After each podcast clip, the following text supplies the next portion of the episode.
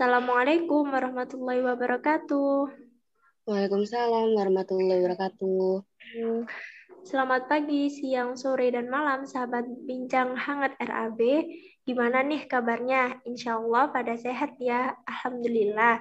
Kita semua telah sampai pada bulan yang penuh berkah, yakni bulan Ramadan. Oh iya, sebelumnya perkenalkan Ane Nurwahyuni yang akan memandu podcast Bincang Hangat RAB kali ini dengan tema Malam Lailatul Qadar. Nah, tapi sebelum itu kita kenalan dulu yuk dengan gue star podcast kali ini. Ada siapa ya kira-kira? Hmm, yang pertama ada Uh Selin. Gimana nih Uh kabarnya? Halo Uh Aini. Alhamdulillah nih kabarnya baik. Alhamdulillah. Gimana nih puasanya? Alhamdulillah sejauh ini masih lancar-lancar aja, Uh. Alhamdulillah. Oh ya, selain ada Uh Selin, ada Uh Fatma juga loh. Gimana nih Uh kabarnya? Alhamdulillah baik, Uh. Alhamdulillah. Puasanya juga lancar kan ya? Masih, masih, masih aman. Aman, mantap jiwa. Oh iya, karena kita sekarang ada di bulan Ramadan ya, pasti teman-teman semua itu sudah nggak asing tuh dengan malam Lailatul Qadar. Nah, boleh tahu nggak sih, uh, malam Lailatul Qadar itu apa sih? Mungkin dari Upat Mani bisa jelasin kepada kita semua. Gimana tuh, uh? Jadi, malam Lailatul Qadar itu adalah malam turunnya ayat-ayat pertama Al-Quran kepada Nabi Muhammad kepada Nabi umat Islam Nabi Muhammad. Ini ada mengutip dari Ensiklopedia Britannica, Lailatul Qadar adalah malam ketika Tuhan Allah Subhanahu wa taala pertama kali menurunkan wahyu berupa ayat-ayat Al-Qur'an kepada Nabi Muhammad melalui malaikat Jibril. Nah, menurut tradisi Islam nih, Muhammad Muhammad mendapat wahyu ayat-ayat Al-Qur'an pertama kali setelah melalui periode perenungan dalam pengasingan dalam salah satu malam perenungannya ketika Lailatul Qadar, malaikat Jibril menampakkan diri kepada Muhammad dan memerintahkan sebuah kata ikro yang artinya bacalah. Selain peringatan turunnya wahyu Al-Quran, malam Lailatul Qadar juga bermakna turunnya malaikat ke bumi dengan berbagai tugas untuk memberikan kedamaian, berkah, dan bimbingan ilahi sampai subuh. Yang terdapat dalam kitab Al-Quran, surat Al-Qadar, ayat 1 sampai 5 yang berbunyi Sesungguhnya kami menurunkan Al-Qur'an pada malam Lailatul Qadar. Tahukah kamu apakah malam Qadar itu? Malam Qadar adalah lebih baik daripada seribu bulan. Itu itu sih kalau tahu aku ya tentang malam Lailatul Qadar.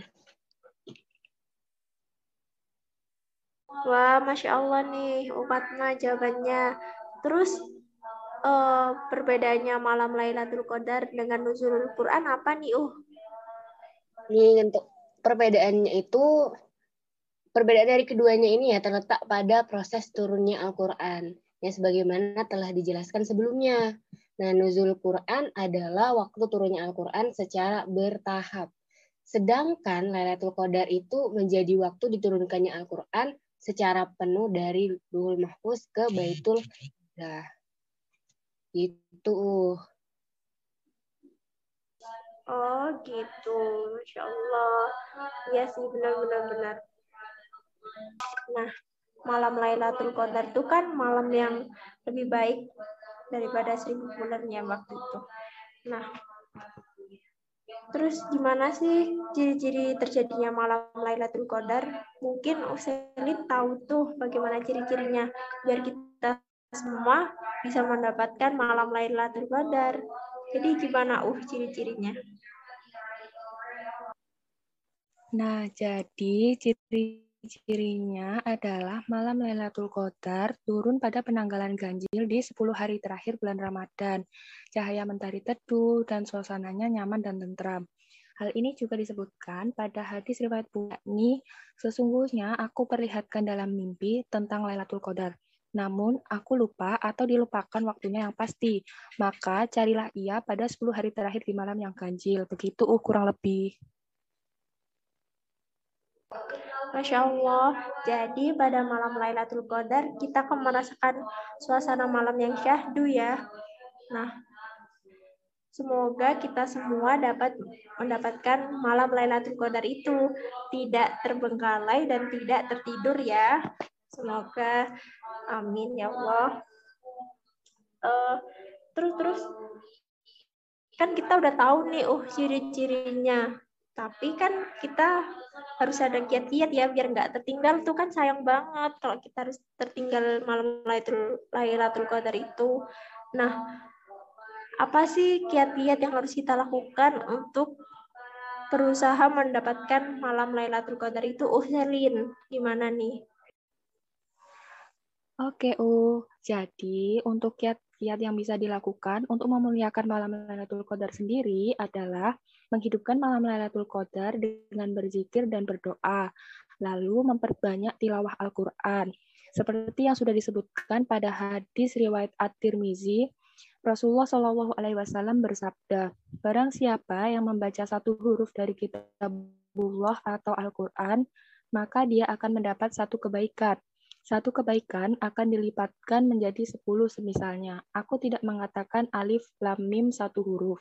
Namun, alif satu huruf, lam satu huruf, dan mim satu huruf. Lalu, untuk selanjutnya, kiat yang bisa dilakukan adalah melaksanakan sholat, baik itu sholat wajib maupun sholat sunnah. Begitu. Wah, Masya Allah. Jadi gitu ya.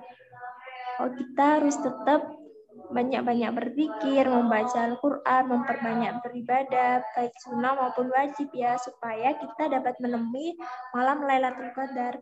Walaupun kita tidak tahu pasti kapan terjadinya, tapi kita harus tetap menjaga semangat itu dengan niatan menemui malam Lailatul Qadar ya. Begitu kan Usailin?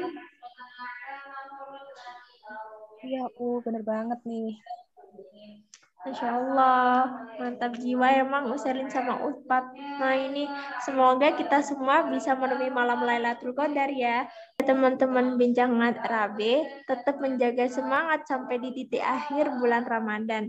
Jangan hanya marak di depan, tapi hanya diam saja di belakang atau di akhir bulan Ramadan. Karena teman-teman pada lari tuh ke mall Ingat ya, malam Lailatul Qadar itu lebih baik daripada seribu bulan. Jangan sampai terlewat nih kesempatan ini. Nah, mungkin sebelum Ani tutup podcast kali ini, ada sedikit kalimat penutup dari Upatma dan Uselin. Biar teman-teman bincang hangat lebih semangat nih untuk beribadah. Mungkin kalau dari Ami nih, uh, uh, manfaatin waktu yang ada di bulan Ramadan ini karena satu kebaikan yang kita lakukan bisa meningkatkan dan menambah pahala kita di bulan Ramadan begitu. Ya Allah, betul banget tuh. Kalau dari Ustadz mah gimana? Ini siang diisi kebaikan, malam belajar Al-Quran, Ramadan jadi penerang hati yang mulai remang-remang. Masya Allah, benar banget. Segala ibadah itu akan membersihkan hati kita dari kotoran-kotoran yang mungkin uh, membuat hati kita menjadi remang-remang tadi, uh, ya kan? Nah, sebelum Ani tutup podcast pada episode kali ini, yaitu episode bincang hangat tentang malam Lailatul Qadar, Ane ingin menyampaikan bahwa inna amaluhu bil khawatimi bahwa amalan itu juga tergantung kepada penutupnya. Jadi teman-teman bincang dengan RAB jangan hanya semangat di depan tapi terus semangat sampai di penghujung Ramadan kelak. Tapi jangan berhenti dan menghabiskan semangatnya di bulan di bulan Ramadan aja ya. Tapi semangat itu harus tetap berkelanjutan sampai kapan pun. Seperti itu teman-teman. Nah, alhamdulillah podcast pada malam hari ini, eh, podcast pada episode kali ini sudah berakhir. Jangan sedih ya teman-teman bincang RAB. Kalau masih rindu, terus pantau IG Rumah Amal Berwijaya dan temukan episode-episode bincang hangat RAB yang lebih menarik lagi. Terima kasih teman-teman bincangan RAB. Ane, Uh Selin, dan Uh Fatma pamit undur diri. Wassalamualaikum warahmatullahi wabarakatuh. See you next episode.